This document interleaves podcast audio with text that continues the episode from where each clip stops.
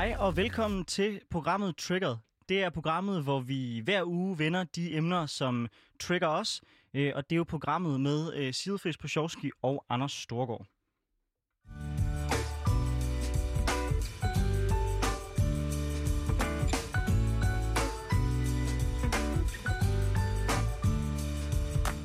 Og normalt så har jeg jo Sigrid Fris med mig i studiet, men hun er ude til Radikal Ungdoms landsmøde og er med over telefon senere. I stedet for så har jeg Maj Villersen, der er klimaordfører for Enhedslisten, øh, med i, i studiet, så det er jo nærmest lige så godt. Men jeg vil starte med at spørge dig, Maj. Øh, har du selv en baggrund fra ungdomspolitik? Det har jeg, ja. Og god formiddag. Det er dejligt at være med herinde. Det er første gang, jeg er på Radio Loud, så det er jo skønt. Det var på tide, kan man sige. Ja, så. det var faktisk på tide. Øhm, men ja, jeg, øhm, jeg er vokset op i en by, sådan et sted mellem Herning og Skjern, sådan en by på 2-3.000 mennesker. Og når man finder ud af derude i det vestjyske, at man er meget venstreorienteret, så er man jo lidt udfordret. Øhm, og så handler det jo om at finde et fællesskab. Det er jo også det, ungdomspolitik kan.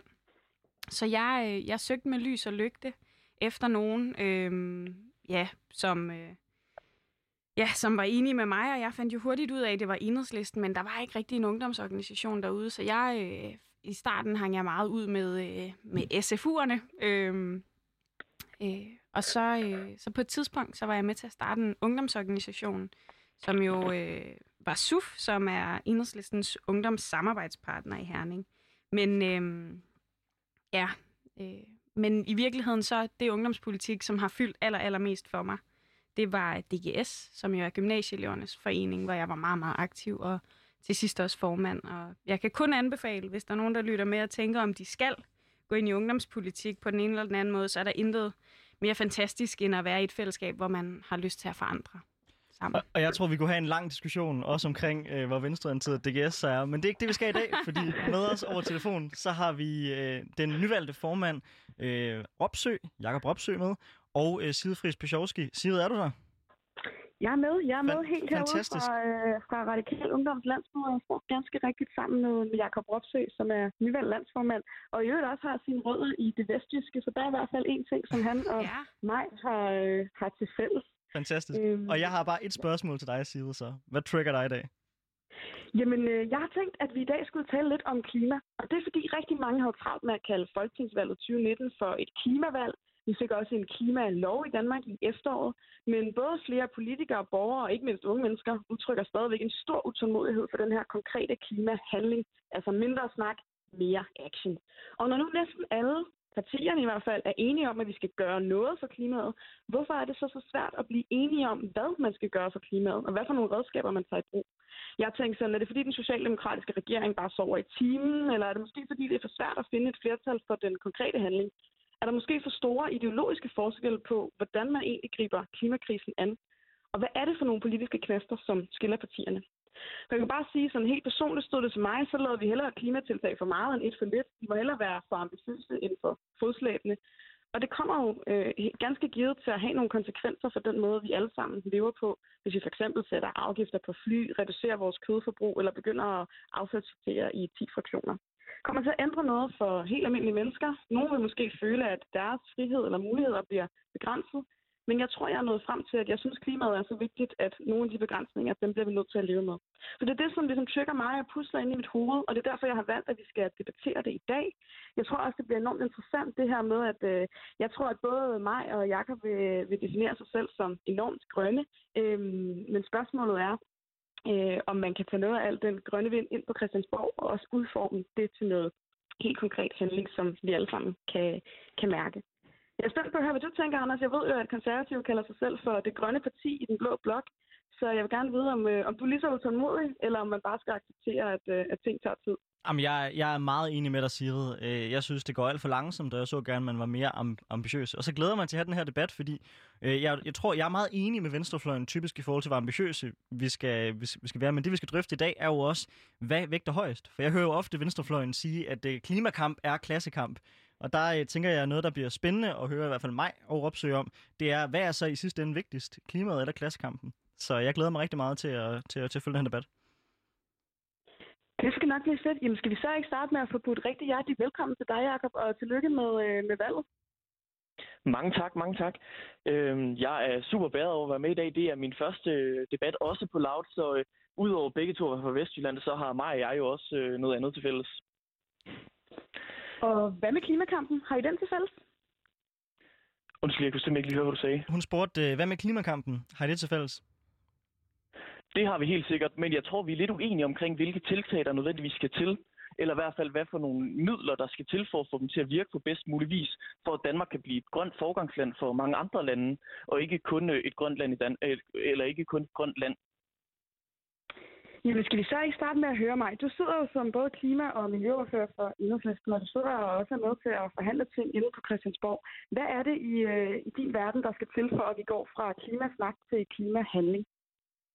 Ja, det er jo øh, desværre et godt spørgsmål, fordi øh, som du også selv var inde på, Sigrid, øh, i din indledning, så, så synes jeg, at valget talte et meget tydeligt sprog, der skulle klimahandling til. Og alligevel så står vi her øh, over et år efter valget, og der er sket forsvindende lidt, og jeg synes, det er dybt frustrerende.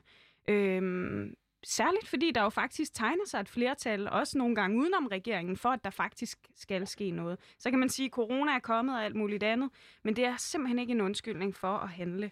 Øh, vi skal jo ind i et spændende efterår nu her, og der kommer til at ske rigtig meget forhåbentlig øh, for den grønne omstilling. Men jeg tror, øh, det første vi skal forhandle, det bliver transport, og det er nok et af de områder, som kommer til at splitte Christiansborg rigtig meget midt over.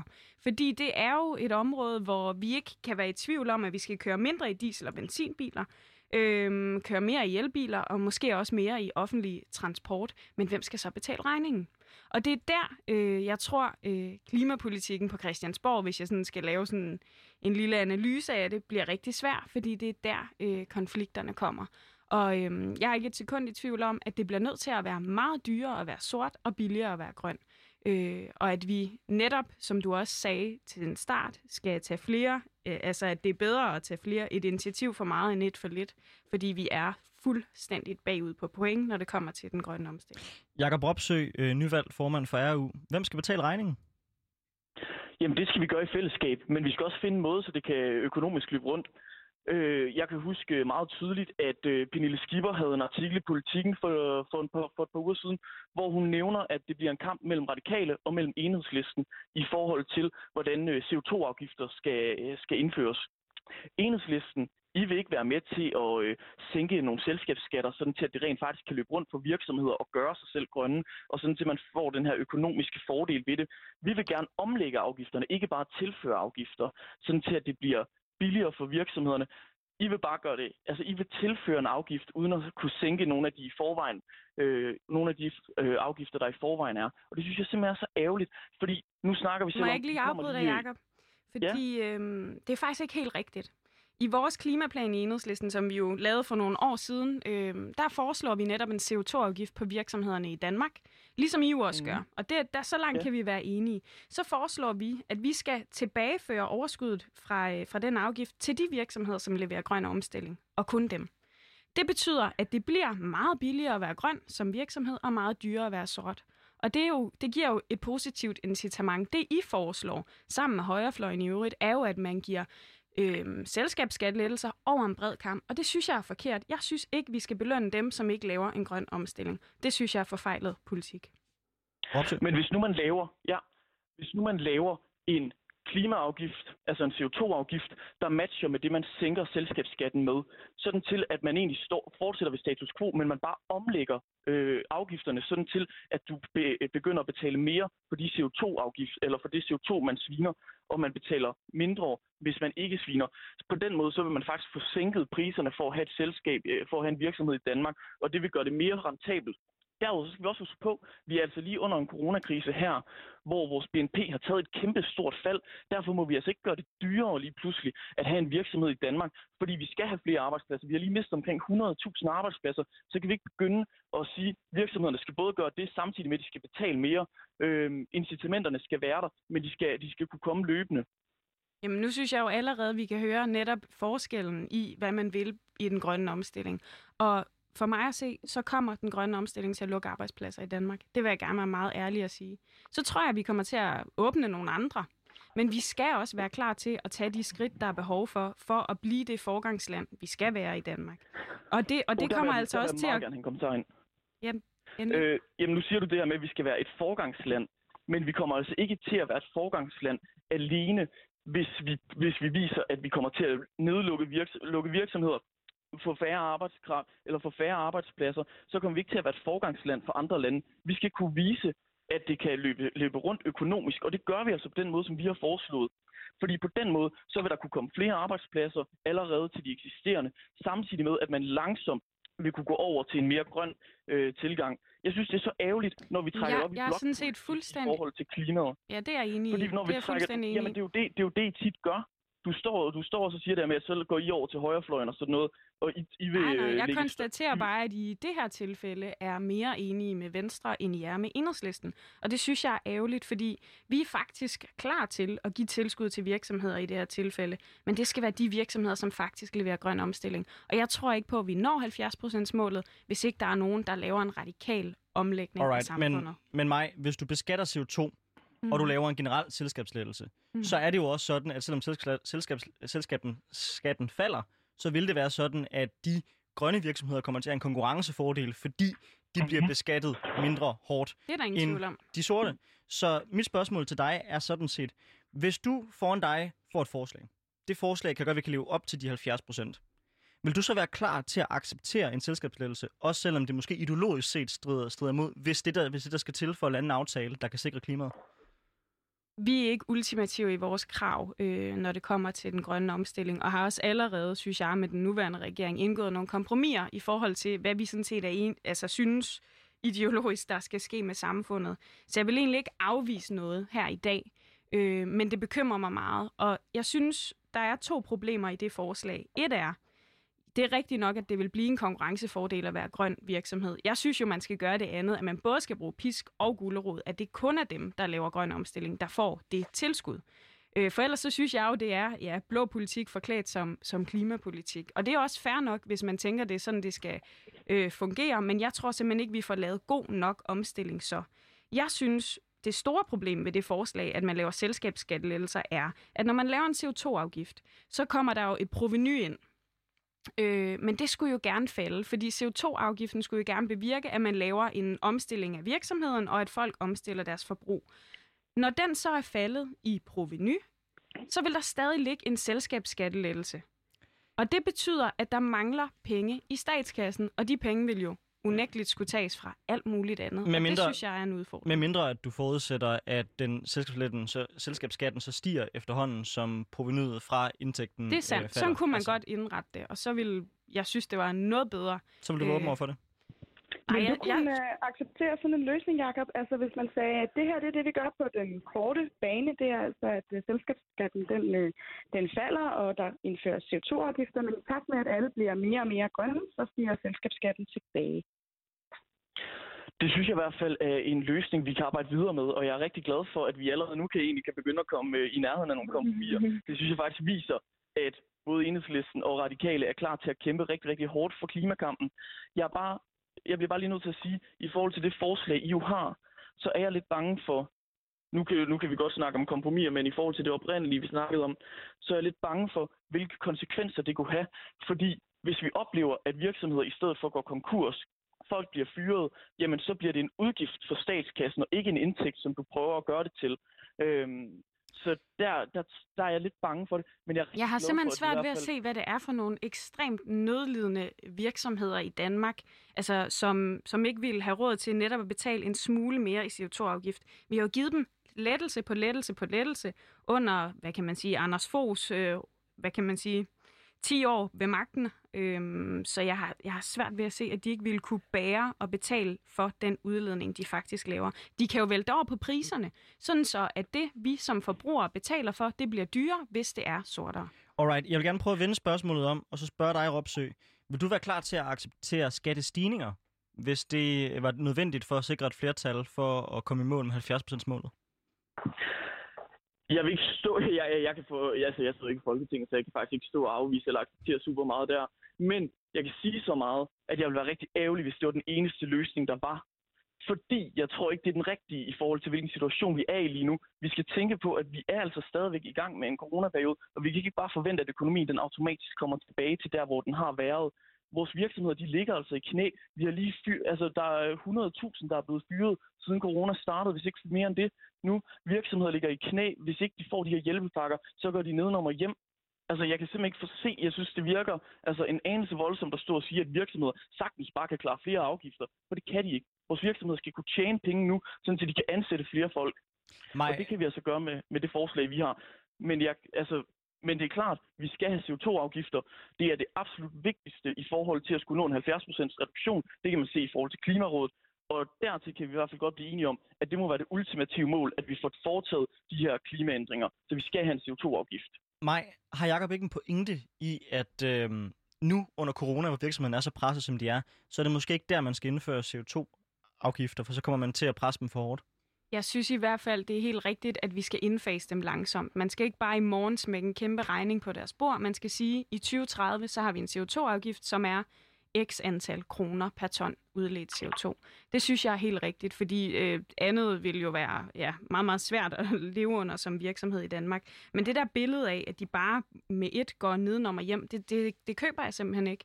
Øh, og så vil jeg så også sige, det er jo her, nu spurgte du Sigrid til en start, hvad er den ideologiske forskel? Og vi bevæger os jo, for mig at se, tættere og tættere på den, øh, mellem hvad vi mener, øh, og, og hvad kan man sige, ja, nærmest det resterende folketing. Fordi vi er jo kritikere af kapitalismen, nemlig den forestilling om, at samfund eller økonomien bare skal vækste og vækste og vækste, øh, og det er det drivende øh, i, i verden. Og, og jeg synes jo, at sådan en diskussion om virksomheder understreger det meget godt, fordi for mig at se, er der altså ting i verden, der ikke nødvendigvis skal produceres om nogle år, fordi det ikke er bæredygtigt. Og derfor bliver vi også nødt til som samfund at gå ind og regulere på det, netop for eksempel med en CO2-afgift, som jo er noget, der ligesom kontrollerer den kapitalisme, som jeg ikke mener bare kan stå alene og styre hele verden, fordi så udleder vi bare mere og mere. Men mig, altså, øh, når, når, når Cepos er ude og så støtte en CO2-afgift, så er det jo ikke fordi, de ikke er kapitalister. Så er det jo fordi, de mener, at CO2 jo netop er, det bliver lidt teknisk det her, men en negativ eksternalitet. Mm. Det, vil, det vil sige en markedsfejl, som man kan gå ind og korrigere. Så er det ikke forkert at sige, at det er et spørgsmål om kapitalisme eller ikke kapitalisme? Fordi nogle af de mest kapitalistiske mennesker i verden, nemlig IMF og Cepos, de er jo tilhængere af CO2-skat. Jo, nu kan man sige, så er Danmark jo også lidt... Øh et særligt sted at være liberal i, fordi, der ikke, altså fordi vores samfund er så styret i forvejen, og selv så nogen som Cepos går ind og støtter CO2-afgifter. Men det gør de jo også netop kun betinget af, at de får noget til gengæld så kloge er de jo. De kan jo godt se, hvordan vinden blæser, at vi er på vej ind i en meget grøn æra, og derfor så vil de have noget til gengæld. Det er fradrag øh, for virksomheder, og det er selskabsskattelettelser. Og det synes jeg simpelthen er forfejlet. Sigrid, hvad tænker du, du hører berørt, øh, Jamen, jeg tænker, at nu har vi berørt det her med virksomheder en hel del af nogle af de ideologiske forskelle, der kan være på, hvordan man, man ser på den her klimakrise. Jeg synes også, at vi, øh, vi kort hørte noget interessant i forhold til, hvad for en regning sendes videre til forbrugerne, mm. øh, i forhold til, at virksomheder må øh, skrue på priser. Og jeg kunne egentlig godt, enormt godt tænke mig at høre jer begge to, jamen, hvor meget skal vi som, øh, som almindelige borgere, som befolkninger, som øh, forbrugere i det her samfund, være klar til at ofre eller betale mere for den grønne omstilling? Skal det være dyrere at flyve? Skal det være dyrere at spise røde bøffer? Skal det være mere øh, besværligt? Skal vi have, som du var inde på mig, skal vi have færre biler? Og hvad for en forskel gør det, hvis man bor i for eksempel øh, Vestjylland, hvor I begge to har jeres øh, rødder? Det kunne jeg enormt godt tænke mig at høre øh, jer begge to på. Jeg tænker, om vi kan lægge ud øh, øh, med dig, Ropsø. Det kan vi i hvert fald. Det skal være dyrere at flyve. Det skal være dyrere at købe øh, kød, og vi skal have udfaset øh, diesel- og benzinbiler hurtigst muligt. Jeg øh, har selv boet i Aalborg, og hvis jeg skulle til København, så kunne jeg øh, langt billigere tage flyveren til København, end jeg kunne tage toget eller bilen for den sags skyld. Så der er jo nogle strukturelle problemer i forhold til det. Så øh, vi skal helt sikkert sørge for, at det bliver dyrere at flyve og øh, dyrere at købe kød, fordi klimaet det venter simpelthen ikke på, at øh, vi får lavet den her kulturændring. Der bliver vi nødt til at skubbe lidt på, for at kunne lave en kulturændring, der er mere bæredygtig og mere grøn. Interessant. Er du enig med mig? Jeg er faktisk fuldstændig enig. Jeg er fuldstændig enig i, at det skal være langt dyrere at flyve, fordi det koster meget mere på klimakontoen, end hvad man kan se på den regning for flybilletten. Øh, det skal være dyrere at spise øh, kød. Jeg synes ikke, vi skal lave en kødafgift. Det synes jeg simpelthen er en klodset måde at lave afgifter på. Bare at lave en punktafgift på noget. Det er derfor, vi skal lave en CO2-afgift. Øh, sådan så, at, øh, hvad kan man sige, at det at producere animalsk bliver dyrere, desto øh, mere det udleder. Altså har du har du grise, så koster det lidt mindre øh, på regningen, end, end det at have køer, fordi de udleder mere. Så, så på den måde synes jeg, at det selvfølgelig skal være dyrere at spise, øh, spise kød, øh, og, og dyrere at flyve, dyrere at køre i diesel- og benzinbil. Men så synes jeg jo også, Sigrid, du havde en pointe i at sige, vi lever under forskellige vilkår, også i et lille land som Danmark. Mm. Øh, der, hvor mine forældre øh, bor lige nu, der kan man ikke leve uden at have en bil. Øh, derfor synes jeg også, at vi skal lave nogle ret øh, lukrative tilskud til, at man kan omstille fra diesel- og benzinbil til elbil ret hurtigt, for eksempel ved kontante tilskud eller ved at hæve skrotpriserne. Øhm, og, så, og så bliver vi jo nødt til på en eller anden måde at finansiere det, at der skal, at vi skal fjerne afgifterne på biler ret hurtigt, altså registreringsafgifterne, sådan så det bliver billigere at købe elbiler, men det efterlader altså et hul i statskassen på omkring 50 milliarder årligt. Og der mener vi i enhedslisten, at man skal lave en, en klimaafgift på kørsel, altså alt efter hvor langt du kører, så skal du betale for det. Men der kan man også godt differentiere det, sådan så dem, der bor på landet, hvor man bliver nødt til at køre i langt højere grad, end man gør herinde øh, i midten af København, at, at man skal betale mere, alt efter hvor man bor. Jeg er faktisk øh, skræmmende enig i meget af det, du siger mig. Øhm, det er jo kun godt. Vi, vi, ja, men nu der, hvor min far bor, det er også i Skjern i Vestjylland, og der kan du simpelthen heller ikke leve uden bil, og han kører en stor dieselbil, som ikke er særlig klimavenlig. Derfor så skal vi øh, en, altså, hæve skrotpriserne. Det kan godt være, at det er det, der er tiltaget. Jeg tror nærmere, det er at lægge øh, road pricing ind over hele Danmark, Præcis. hvor man så siger, at der er nogle steder, der det, det kan være dyrere, og nogle steder, det kan være billigere. Derudover så skal vi også kigge på, hvordan vi forbedrer den offentlige transport ude i de områder mm. øhm, med et bedre elektrificeret øh, transportnetværk. Altså i Skjern, der kommer et, øh, der kan du tage et tog til Herning hver, hver anden time, tror jeg det er. Øh, det er altså ikke super gode offentlige transportmuligheder, og det handler også om, hvordan man kan få børn og unge fragtet til og fra skole i de områder, hvor øh, man bliver nødt til at have nogle bedre busser, der kører. Da jeg skulle hjem fra gymnasiet i sin tid, så øh, gik der en bus øh, hver, hver halvanden time, tror jeg det var, men den stoppede med at køre efter kl. 15. Jamen, altså, det er, jeg er fuldstændig mm. enig, men Nå, der er jeg vi kan, jo jeg, kan, jeg kan godt mærke, at jeg som øh, konservativ nu vil til at bryde ind og sikre, at der ikke bliver for stor enighed i det her studie mellem radikale og enhedslisten. Hvis jeg lige ja. kan sætte en kil ind, vil det, være, vil det være super. Maj, er det ikke et problem, hvis du både indfører CO2-afgifter og road pricing? Fordi så det, du reelt set laver, det er en dobbeltbeskatning af CO2. Er det ikke et problem ud fra tankegang om, at CO2-afgifter skal være med til at regulere markedet? Du overregulerer jo så rent faktisk. Det, det vil jeg ikke mene, fordi i dag er der jo allerede en registreringsafgift på bilen og en afgift på diesel og benzin. Og i virkeligheden vil man jo bare lave det samme.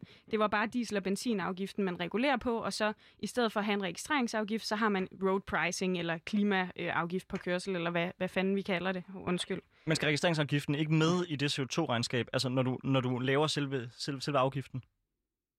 Altså, jeg mener jo, at vi skal helt have fjernet den registreringsafgift, der er, i hvert fald på elbilerne, og så i stedet lægge, de, øh, lægge den økonomiske byrde over på kørselen, så det ikke er den ene udgift, men at man, man, øh, man finder pengene på en anden måde, ligesom Jakob også sagde, og det tror jeg også øh, bliver tilfældet, men, men det er jo her, vi bliver ret uenige øh, politisk på Christiansborg, og det bliver rigtig, rigtig svært at se, hvor langt vi kan nå. Øh, og det er også her, vi har nogle internationale udfordringer. Vi vil jo både i Radikale og Enhedslisten øh, forbyde nysalget af diesel- og benzinbiler fra 2025, men der blokerer EU jo lige nu. Og det er jo en udfordring, at øh, vi ikke har opbakning derfra.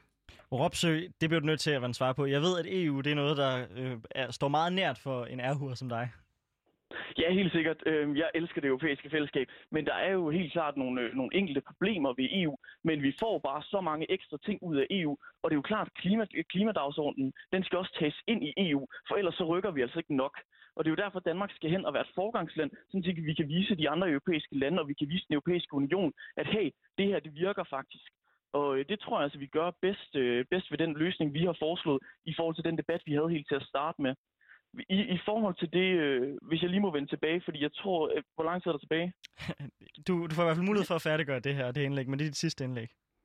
Okay. I forhold til det, øh, Maj hun sagde om, at der, den her afgift, den først skulle tilføres i, øh, CO2-afgiften først skulle tilføres i 2030, så synes jeg, det er alt for uambitiøst. Hvis man i stedet vælger Ej, det var heller ikke det, jeg sagde. Jeg vil indfase den, så den er fuldt indfaset i 2030, lige præcis som Klimarådet foreslår det. Og det bliver de sidste okay. ord for den debat. Øh, jeg vil øh, høre dig, Side. Hvad tænker du om den debat, du hørte herinde? Jeg synes, det var fantastisk at høre to mennesker, som har så mange politiske tiltag, og både nogen, hvor der er klare forskelle, men også nogen, hvor der er en tydelig øh, enighed og et fælles fodslag. Jeg tror, det er det, som gør, at det bliver ekstra interessant at følge med i de klimaforhandlinger, som jævnligt foregår på Christiansborg.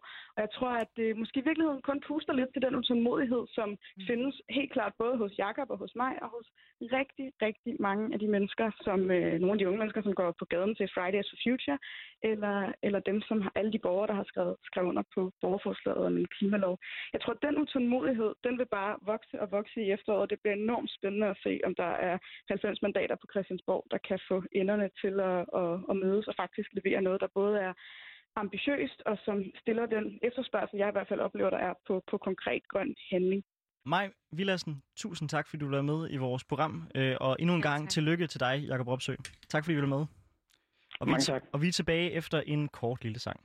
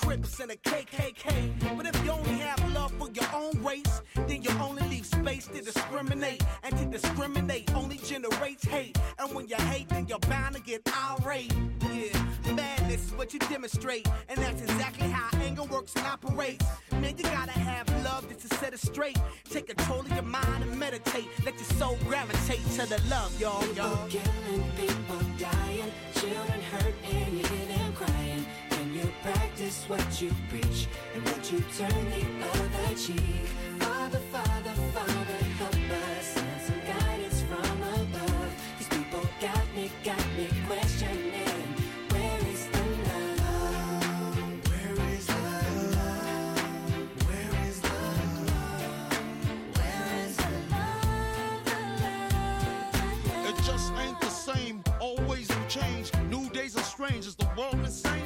If love and peace is so strong, why are the pieces of love that don't belong Nations dropping bombs, chemical gases filling lungs of little ones with ongoing suffering. As the youth are young, so ask yourself, is the loving really gone? So I could ask myself, really, what is going wrong in this world that we living in? People keep on giving in, making wrong decisions, only visions of them dividends. Not respecting each other, denying thy brother. A war's going on, but the reason's undercover. The truth is kept secret, it's swept under the rug. If you never know truth, then you never know love. What's the love, y'all?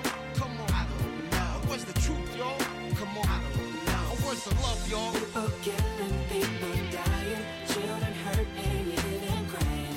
You practice what you preach, and what you turn the other cheek.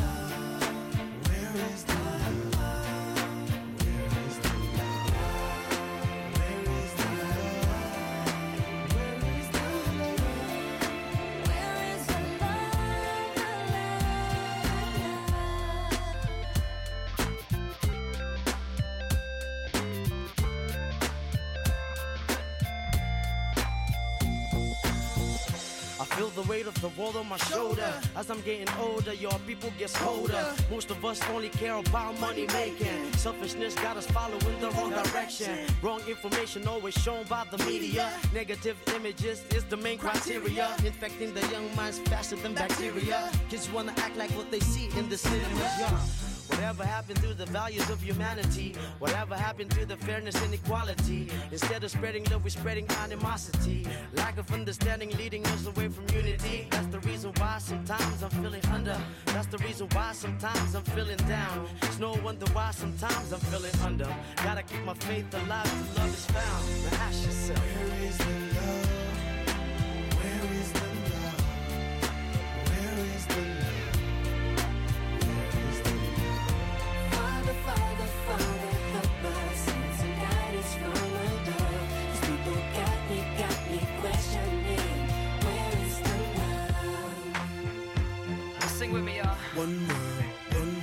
We only got one world, one world. That's all we got. One world, one world. And something's wrong with it. Something's wrong with it. Something's wrong with the good world, world. Yeah, we only got one world, one world. That's all we got. One world, one world. Ja, det var Black Eyed Peas med Where's the Love. Og øh, en lille insight-information er, at jeg har prøvet at få den her sang med i det her program, i alle de programmer, vi har haft indtil nu. Og hver gang, der har Sigrid kigget på mig, har jeg sagt, at den er alt for klichéagtig. Men nu har jeg studiet alene, så nu skulle vi høre Where's the Love. Og med mig i, i studiet har jeg jo ikke længere Sigrid, men øh, jeg har også fået endnu en erstatning i dag, og det er øh, Thomas Hermann. Øh, og Thomas, øh, nu plejer det at være Sigrid, der kommer til at spørge mig, men nu får du lov til at spørge mig i stedet for. Hvad er det, der trigger dig, Anders? Nu skal du høre, og jeg håber på, at det også kommer til at trigge dig. Men det, der trigger mig, det er, at jeg nu har stået i måske 200 debatter og debatteret med ældre mennesker, der har kigget på unge og sagt, hvor er det forfærdeligt, hvor meget I drikker, mens de selv drak væsentligt mere, end de var unge. Jeg er pisse træt af at blive bashed af ældre mennesker for at leve som ung menneske til byen med kammerater og bare nyde det at være ung og have en fest. Jeg er dybt bekymret over den tilgang, der er kommet efter corona, hvor mange siger, ej, men se hvor, se hvor godt det er, at unge ikke drikker længere, fordi de har siddet indenfor i, i hu. Kan vi ikke indføre det? Kan vi ikke lukke barnet kl. 12? Kan vi ikke lade være med at udskænke alkohol fra 7-Eleven? Kan vi ikke sikre, at unge mennesker, de for alt i verden ikke er unge, og bare sidder og kigger på deres bøger, frem for rent faktisk bare nogle gange at fest sammen med deres venner? Og en af de folk, der har talt omkring, hvordan situationen er med unge her under corona, det er Jane Tolstrup. Hun er øh, professor for øh, Statens Institut for Folkesundhed. Og jeg synes, hun giver en rimelig god setting for, hvad det er, unge øh, har øh, gjort her under corona. Så lad os lige starte med at høre lidt, hvad hun har at sige. De drikker på en, øh, en helt anden måde, end vi voksne gør. For dem giver det ikke mening at sidde og nyde et, øh, et glas vin. De drikker som en del af noget fællesskab, nogle sociale begivenheder, fester, bare være i kongens have og, øh, og sådan noget. Og så drikker de også tit med den virkning at blive beruset og blive fulde. Og øh, alle de der ting, det giver jo ikke så god mening, når man sidder øh, derhjemme og ikke kan være sammen med vennerne. Noget vi også har undersøgt, det er jo, om de så drikker i sådan nogle øh, internetfællesskaber, altså holder de lige et Zoom-møde med, øh, med 20 af deres venner, og så holder en fest på, øh, på den måde. Det er der gået sådan ret meget snak omkring, at det måske har været noget, der er sket. Ikke? Men altså, ifølge vores tal, så sker det stort set ikke det der med, at man drikker sammen over internettet. Noget vi også kan se i vores tal, især i begyndelsen af coronakrisen, der fik de unge jo sådan lidt skyld for, eller mistænkt for i hvert fald, når man gør de egentlig bare, som de plejer, og holder de fester, og er de egentlig lidt ligeglade med det her med, at, at man skal holde sig isoleret isoleret. Og det er der ikke noget, der tyder på i vores tal. Det ser ud som om, at de i høj grad har taget de her forskellige påbud om, øh, om ikke at være i ret meget kontakt med andre øh, til efterlevelse. Kort sagt, unge, unge har opført sig eksemplarisk her under coronakrisen. Og min frygt det er, at hvis man begynder at lave for mange tiltag, hvor man begrænser unge menneskers alkoholsforbrug, hvad sker der så? Så supplerer man over til noget andet. I alle kulturer har folk haft euforiserende stoffer, og vi ser desværre, at dobbelt så mange unge i dag er på kokain, som de har været for fem år siden. Jeg tror, det er et resultat også af, at man prøver at presse ungdommen væk fra alkohol, så det ryger over i kok- kokain. Og jeg synes, at det er meget bedre, at vi fokuserer på en ungdomskultur, hvor det er alkohol, og det er under trygge rammer, end det er en kultur, der bliver oversvømmet af kokain. Og det er selvfølgelig lidt en stråmand og hvad og vandet skyde. Men med her i studiet, der er vi gået fra rød stue nu til blå stue, og der har jeg Thomas med. Og Thomas, du er jo laver, så jeg, så jeg er spændt på at høre dig. Skal vores natteliv oversvømmes af coke? Jamen, det er mit øh, største politiske projekt, Jeg tænkte det har nok. arbejdet for lige siden jeg gik ind i politik. Nej, altså, grundlæggende, det er, jo, det er jo det vil sige at være liberal. Der adskiller det sig jo lidt fra, fra andre ideologier ved, at man differentierer meget mellem sine personlige holdninger og så sine politiske holdninger. Så det vil sige, at jeg kan jo have alverdens holdninger til alt fra øh, kokain og tørklæde og preasers og så videre. Men forskellen er så bare, at jeg, jeg, jeg holder de holdninger for mig selv i den forstand. Jeg kan selvfølgelig godt øh, sige til folk, jeg synes, du skal lade være med at og et eller andet. Men, men jeg har ikke så tænkt mig måske at gå lovgivningsvej i lige så høj grad, som andre har. Så du er tilhænger af at legalisere øh, kokain? Ja. Okay. Er du ikke bange for, at det vil få flere unge til at tage det? Øhm, altså i, i dag, der ser vi jo netop den her stigning i, i forbruget af kokain. Vi ser en stigning i, i kokainrelaterede skader og overdosis og så videre. Så, så, altså, så lige nu sker der jo en stigning, og jeg har læst, at det, at det skyldes, at der er et øget udbud nede fra Sydamerika, og så bliver det jo bare pumpet op i, i Danmark. Så jeg ved ikke rigtigt, altså det er blevet billigere, det er blevet renere, der er blevet mere af det, øh, mens det er ulovligt. Så, så det er jeg egentlig ikke så bange for.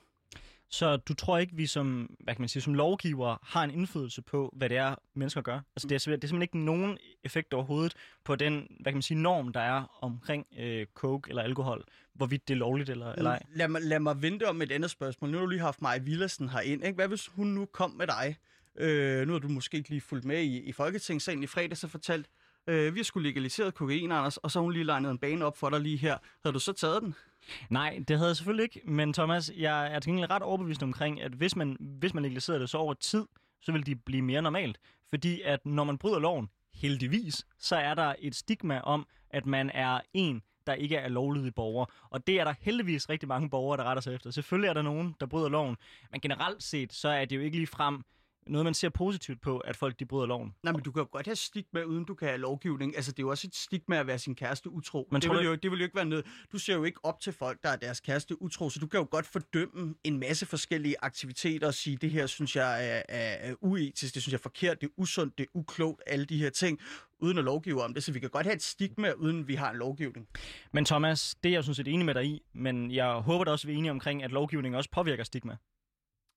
Øhm, ja, det, det gør det da nok. Og, så, og særligt fordi det er den måde, vi er opdraget på, at det skal. Fordi vi er jo opdraget på, at alt vi synes er forkert, det skal vi gøre ulovligt. Altså hvis der er noget, vi grundlæggende synes er mere usundt, end det er godt, skal det være ulovligt. Så jo, vi er jo også opdraget til ikke at, at tænke i det som så meget to forskellige ting.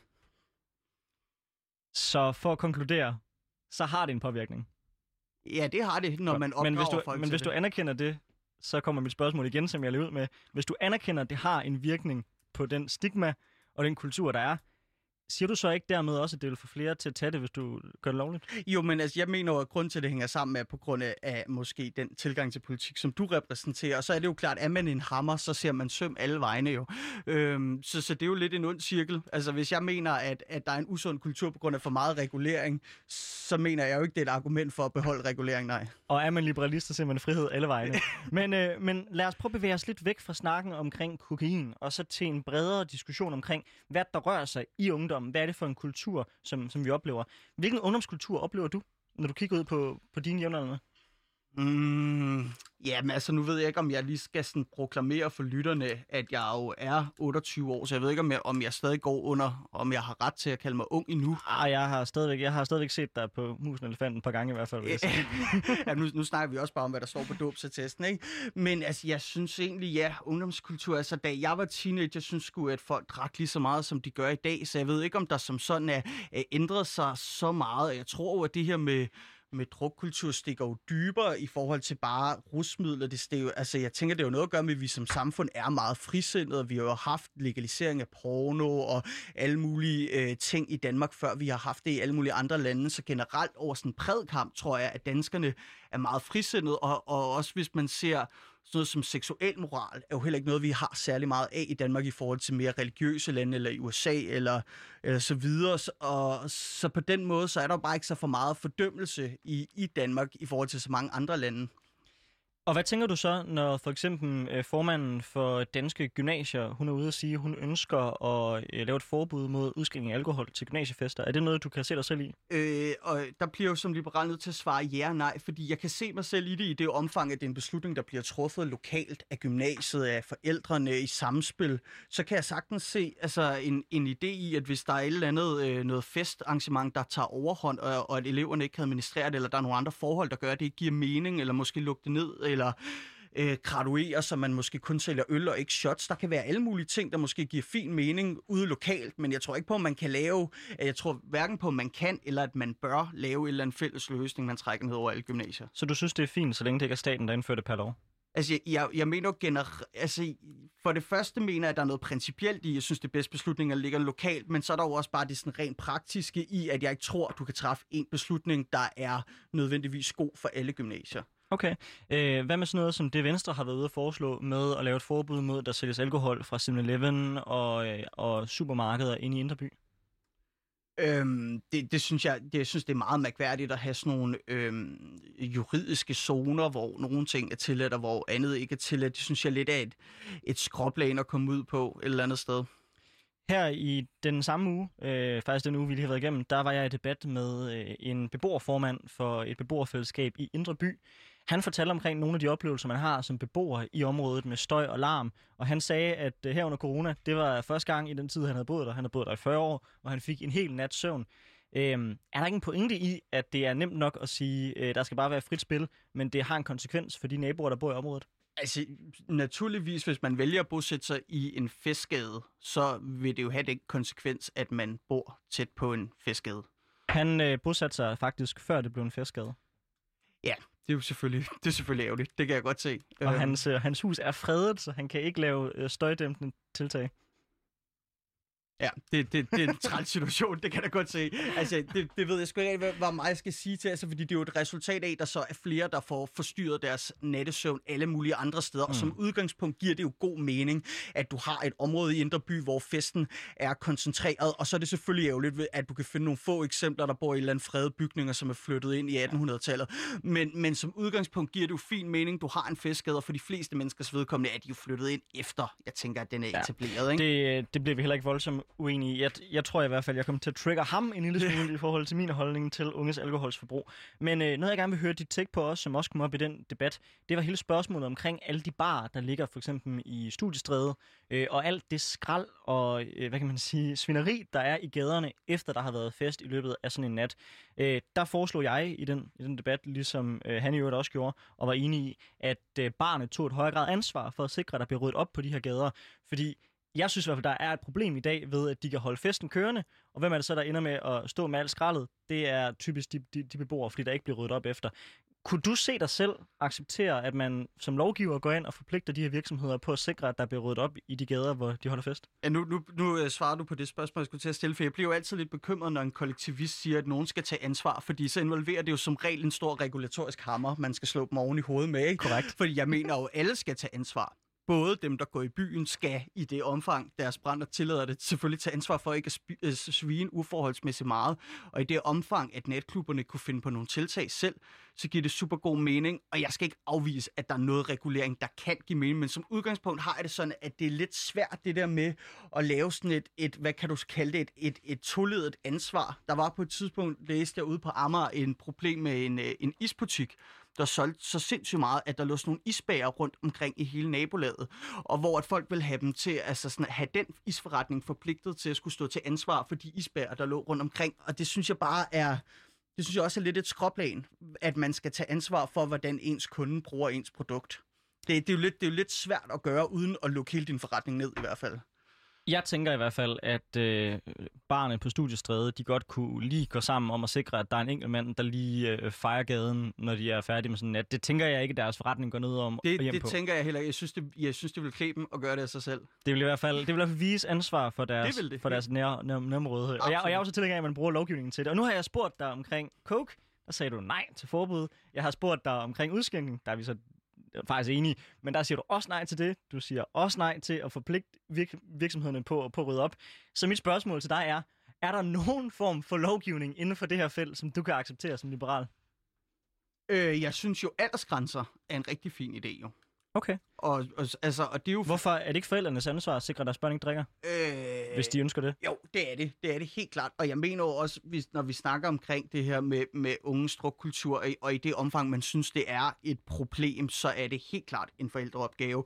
Men, men, det, er jo, men det er jo selvfølgelig svært som forældre at mandsopdække, mandsopdække sit barn hele tiden. Og jeg synes egentlig ikke, det er heller sådan der urimeligt, at man har en forventning om, og særligt ikke i et samfund, som jeg jo gerne vil leve i, hvor du også måske kan købe en, øh, en pipas i, i 7-Eleven, så synes jeg ikke, det er urimeligt, at at der er en aldersgrænse. Så kan vi altid diskutere om, hvor snittet konkret skal ligge. Det har jeg ikke nogen sådan ortodoxe holdninger til, men jeg synes, det er fint nok, der er en, øh, en aldersgrænse. Og så i stedet for i øvrigt, bare lige for at, at, at, at sætte en, en krusedulle på, eller en sløjf på, så i stedet for at snakke om, som man jo gør meget, at man skal hæve aldersgrænserne, eller hæve afgifter på forskellige ting, fordi at mindreårige drikker, så burde man jo kigge på, at du har nogle aldersgrænser i dag, som faktisk altså nærmest ikke bliver håndhævet. Og det har de jo nærmest det er de nærmest aldrig blevet, de her aldersgrænser. Selvfølgelig er det sket mere end fra da jeg var barn, Øh, der kan jeg huske, at min, at min mor sendte mig ned i kiosken efter cigaretter med sådan en, øh, en hvid lap, hvor hun havde skrevet 20 med tal, og så havde hun skrevet, lavet en lille rød firkant, og så tegnet en tegning af en prins, fordi at så, kunne, så kunne jeg ligesom kigge på den, og så bestille 20 røde prins, så kunne jeg huske, hvad det hun skulle have. Og det satte kioskmanden jo så også en stopper for en gang, og det synes jeg var meget underligt, for han kunne nok godt regne ud, det ikke var til mig og så videre. Så på den måde er der selvfølgelig sket noget, men mange stikprøvekontroller viser også, at unge stadig kan købe produkter, de ikke må. Men det var faktisk, hvis ikke jeg husker forkert, fordi at man netop indførte en aldersbegrænsning, som man ikke havde før i tiden. Så det var jo også per lov, øh, og ikke fordi kioskejerne Nå, jo, selv men der, der, var en, der var også en, en periode, hvor at den ikke sådan, altså hvor man fik lov til det, eller hvor jeg i hvert fald fik lov til det i den lokale kiosk, hvor det ikke blev håndhævet. Men du siger, at det skal håndhæves bedre. Hvordan? Øh, altså, nu, øh, nu tror jeg jo som liberal på økonomiske incitamenter, og hvis nu den kiosk, som jeg øh, voksede op ved siden af som teenager, øh, de fik jo en fin omsætning på, at mig og mine venner, vi kunne købe alkohol, som vi ikke var gamle nok til at købe. Så det vil sige, for den der kioskmand, hvis, ikke der, hvis han ikke kan se et etisk problem med at sælge, og ja, så små var vi jo heller ikke, så det gjorde nok ikke, så, så det er jo udelukkende en cost-benefit-analyse af, hvor meget tjener jeg i både det direkte salg, men også mere omsætning og så videre, kontra hvad er risikoen for at blive taget, og hvad koster det. Så det er jo bare at skrue på det. Altså, det kan jeg ikke se kan være anderledes. Det er jo bare at skrue ind, til det virker. For at bevæge os lidt hen til at slå en krølle på alle de emner, vi har, vi har været igennem, så vil jeg egentlig spørge dig, øh, Thomas, du, du, du er far, Det er sandt. og du har en datter, ikke? Jeg har to. To, to, to, to døtre. Ja. Føler du dig tryg ved den ungdomskultur, de kommer til at opvokse i? Øhm, jeg tror ikke, at uanset sådan der, hvor, hvor mild og, og, og, og stille og rolig en rusmiddelkultur vi har haft, så tror jeg aldrig nogen forældre vil være 100% trygge ved, at ens børn skal ud i verden på et tidspunkt. Så det, kan så det kan jeg nok ikke svare ja til, men det tror jeg ikke som sådan er myndet på vores kultur mere, end at det er nok bare naturligt som forældre ikke at være helt tryg. Hvad kan man som ung og som forældre gøre for at gøre ungdomslivet mere trygt? Altså, det er jo et, øh, det er jo et rigtig godt spørgsmål. Øh, altså, man kan sige, i forhold til det, vi ser i dag med, at unge spreder sig, det ved jeg godt, det, det er måske ikke lige det, du spurgte ind til, men altså, det oplagte er jo at begynde at have de her barer og natklubber åbne lidt længere, men måske at reducere kapaciteten, så der måske er 50 procent af, end hvad der måske plejer at være. Det er i hvert fald, man kan i hvert fald sige sig selv, at hvis man smider unge ud klokken 12 fra en bar, og det er 30 grader, selvom øh, det er øh, midnat, så går de nok ikke hjem jo. Altså, det var mere i forhold til corona, men jeg tænkte nu mere sådan også, når vi kommer om på den anden side af corona. Hvad kan vi gøre for at skabe en ungdomskultur, der er mere tryg? Fordi altså, jeg er, og det kan jeg melde klar kulør omkring, jeg er rigtig godt tilfreds med den danske drukkultur. Jeg synes, vi har det rigtig sjovt, og jeg synes faktisk, det er fedt at være ung i Danmark. Men jeg kan godt genkende, at nattelivet også på mange måder kan være utrygt. Altså, jeg har da også prøvet flere gange at blive overfaldet af folk, der har været på narkotika. Øh, så, det, så derfor vil jeg gerne høre dit take. Jeg afbryder lige. Øh, hvordan vidste du, de var på narkotika? Tro mig, øh, man, var ikke, man, man var ikke i tvivl. Lad os Okay. bare sige det sådan. Okay. Men Øh, øhm, ja. Ja, men altså, jeg ved ikke, om det som sådan altså, er myndet på rusmiddelkultur, at der er, en- jeg tror sgu mere, det er nogle bestemte typer.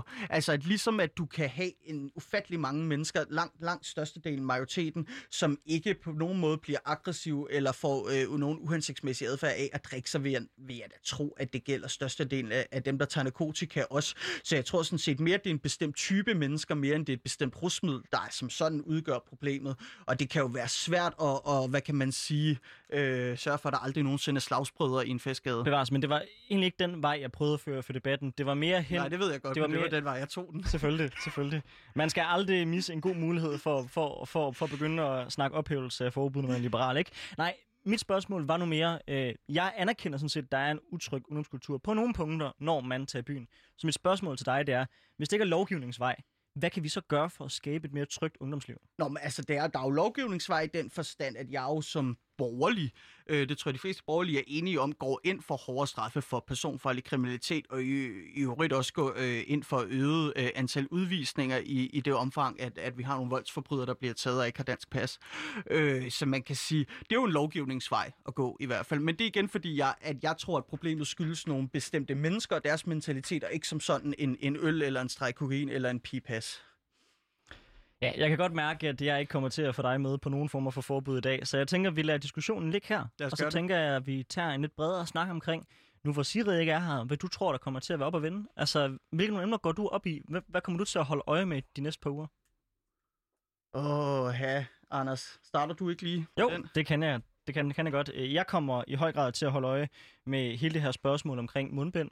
Øh, jeg tror, at den debat kommer til at blusse rigtig meget efterhånden, som det bliver indført. Man har jo set i Tyskland, at der har været deciderede demonstrationer, fordi man har indført tunge mund, mundbind.